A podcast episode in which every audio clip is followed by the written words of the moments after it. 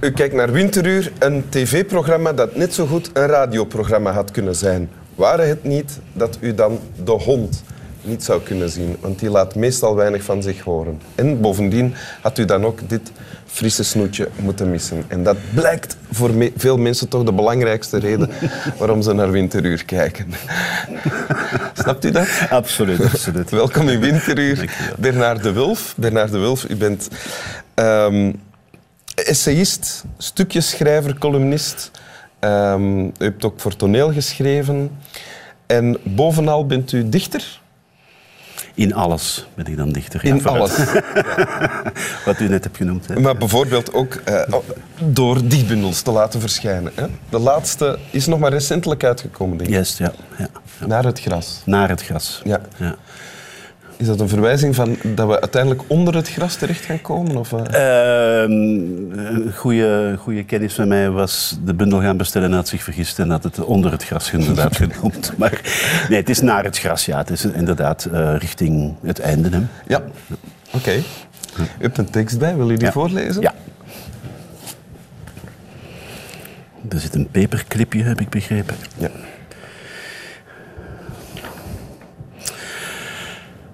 Uil dacht aan nog veel meer nare dingen.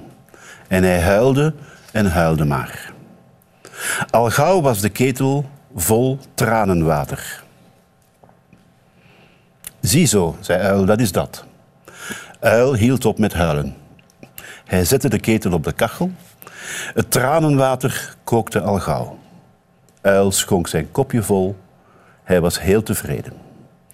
Het smaakt wel een beetje zoutig, zei hij, maar tranenthee is toch altijd weer heerlijk. En dit komt uit, mag ik eens Ja. kijken? Een kinderboek, hè? Van, Dit is een kinderboek, ja. betekent dat een Het is- kinderboek dat u als kind hebt leren Nee, kennen? nee. nee. ik heb dat boek leren kennen dankzij een dichter.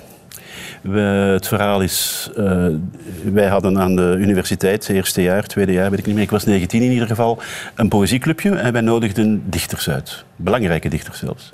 En omdat wij eh, armlastig waren, deden die dat ook allemaal gratis en zo. En een van die dichters... Die kwamen ook allemaal. En die kwamen ook Ja. allemaal. En een van die dichters was de toen zeer populaire dichter Ed Leeflang, een Nederlander. Die dus helemaal naar Brussel kwam en het allemaal gratis. En die legde zijn poëzie die avond uit aan de hand van dit boekje. We Oh. hebben het nu nogmaals over vele jaren geleden. En eh, hij heeft dat zo ook vertaald. Dat is een heel beroemd eh, kinderboek bij Uil Thuis van Arnold Lowell. En hij legde dus zijn poëzie uit aan de hand van een kinderboek. En ik ben dat nooit vergeten. Ik heb dat boek trouwens dan ook gekocht daarna. Het staat Dat is dit? Ja, in 1989 heb ik dat gekocht. Ah, ja. is- En ehm, het fragment dat ik heb gekozen, denk ik, heeft toen het meeste indruk op mij gemaakt. Wat is het verhaaltje? Uil zegt van, ik heb zin in tranenthee. Dus ik ga even aan nare dingen denken. En zijn potje loopt vol. En dan zegt hij, dat vind ik de mooiste zin van het fragment. Zo, dat is dat. Waarmee de dichter het leeflang toen wilde aanduiden van poëzie wordt gemaakt. Je moet niet poëzie schrijven wanneer je droevig bent, je moet het achteraf doen. Zo, dat idee.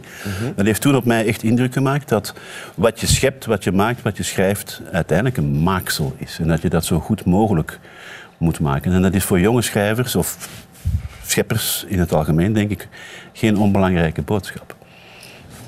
Dus dat het ook allemaal een beetje fake is. Ah ja. En het dus ook, bijvoorbeeld, ik zeg maar iets, verdriet van je afschrijven. Dat kan je niet terwijl je in het verdriet zit? Of? Nee, daar geloof ik nu echt niet in. Ja, dat kun je wel, maar dat- ik weet niet of dat ooit tot goede literatuur leidt. Dat is het punt. Doet u het? Als in, in, eh, Nee, nee, nee. nee. Ik, ben, ik, ben, ik ben bij uitstek een maker. En een... Maar natuurlijk, je moet, dat, je moet niet... En ik zeg niet dat het allemaal fake is, natuurlijk niet. Ik zou zomaar niet om het even wat kunnen opschrijven. Maar zijn boodschap was van, zo, dat is dat. Ja. Ja? En vervolgens drinkt Uil zijn tranenthee heerlijk op. Ja. Ja. Ja. Dat, Ja. daar hou ik van. Het begint met Uil die dacht aan nog veel meer nare dingen. Ja. Dus het eerste wat Uil doet, is eh, het verdriet oproepen. Hè? Ervoor zorgen dat hij verdrietig wordt. Ja, precies. Want hij is eigenlijk helemaal niet verdrietig. Nee. Maar hij heeft gewoon zin in tranen te. Ja. Dus moet hij aan verdrietige dingen beginnen denken. En dan begint hij te denken aan potloodjes achter de kasten en al dat soort dingen die een uil blijkbaar bezighouden. Maar doet u dat dan ook als u... eh, Eh, brengt u zichzelf in een bepaalde staat van zijn bij het schrijven van... Ehm, soms wel, ja. ja eh, maar niet altijd natuurlijk. Hè. Maar het punt is, eh, je, je, dat is, wat uil doet, is strategie. Is eh, doelbewust, ik heb zin in tranenthee. Metafoor voor een goed gedicht, bijvoorbeeld. Of een goede tekst. Dus ga ik wel eens eh, even beginnen nadenken. En niet alleen maar voelen. En vervolgens maak je iets in woorden, in zijn geval met tranen, maar eigenlijk staan die voor de woorden natuurlijk. Ja. Ga nu niet te diep op die tekst in hoor, maar...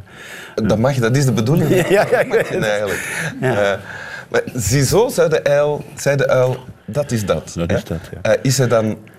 Het voelt ook alsof hij gewoon blij is. Het is lekker om eens eh, heerlijk verdrietig te zijn. Ja, maar het is, het is wel met een bedoeling. Het is om tranentee te hebben.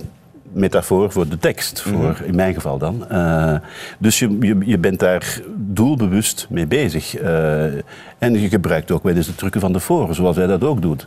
Ja, hij denkt aan potloodjes en aan eenzame dingen enzovoort. enzovoort. Dat is gewoon, ja, nogmaals, strategie. En hij, hij, hij ja, wendt het voor. Ja, maar dat maakt het niet minder oprecht. Absoluut niet. Nee. Ja, nee, natuurlijk niet. Nee, Want- nee. Want ik moet ook denken aan wat acteurs eh, doen op het podium. Precies, ja. Een acteur of, of een comedian is niet noodzakelijk echt verontwaardigd, speelt verontwaardigd op dat moment. Natuurlijk niet. Jij, jij, jij speelt toch ook 40 of 50 of 60 of 100 keer jouw voorstelling. Je kunt toch niet elke keer eh, het echt gaan menen. Dan, dan, dan doe je dat geen tien keer na elkaar natuurlijk. Ja, mijn truc is, ik zoek altijd zinnetjes eh, die mij in een staat brengen. Ja, precies, Dus ja. ik word dan wel echt Ja, ja, nee, kwaad precies, en tegelijkertijd ben ik niet. Ik speel kwaad en ik ben het ook. Ja, ja, maar dat is precies waar dit fragment over gaat voor mij. Ja. Ja, ja. ja, Uil zit niet gewoon te faken. Er is een zekere bereidheid bij hem om droevig te worden. Maar je kunt nogmaals niet, terwijl je zit te janken, een goede tekst maken. Dat Nee. gaat niet. U praat over uil als was het een vriend. Nee, niet overdrijven. Maar ik heb dit boekje ook vaak voor de kinderen voorgelezen. Dus ik ken dat van buiten. En Uil maakt nog allerlei dingen mee natuurlijk in dat Ja. boekje. Hè? Wil u het nog eens voorlezen? Nog eens voorlezen. Ja. Uil dacht aan nog veel meer nare dingen. En hij huilde en huilde maar. Al gauw was de ketel vol tranenwater. Ziezo, zei Uil, dat is dat. Uil hield op met huilen. Hij zette de ketel op de kachel. Het tranenwater kookte al gauw. Uil schonk zijn kopje vol. Hij was heel tevreden. Het smaakt wel een beetje zoutig, zei hij. Maar tranenthee is toch altijd weer heerlijk. En dan moet je hem zien zitten natuurlijk in zijn... ja, me eens zien. Hier, haha. Dank u. Graag gedaan. Slap wel.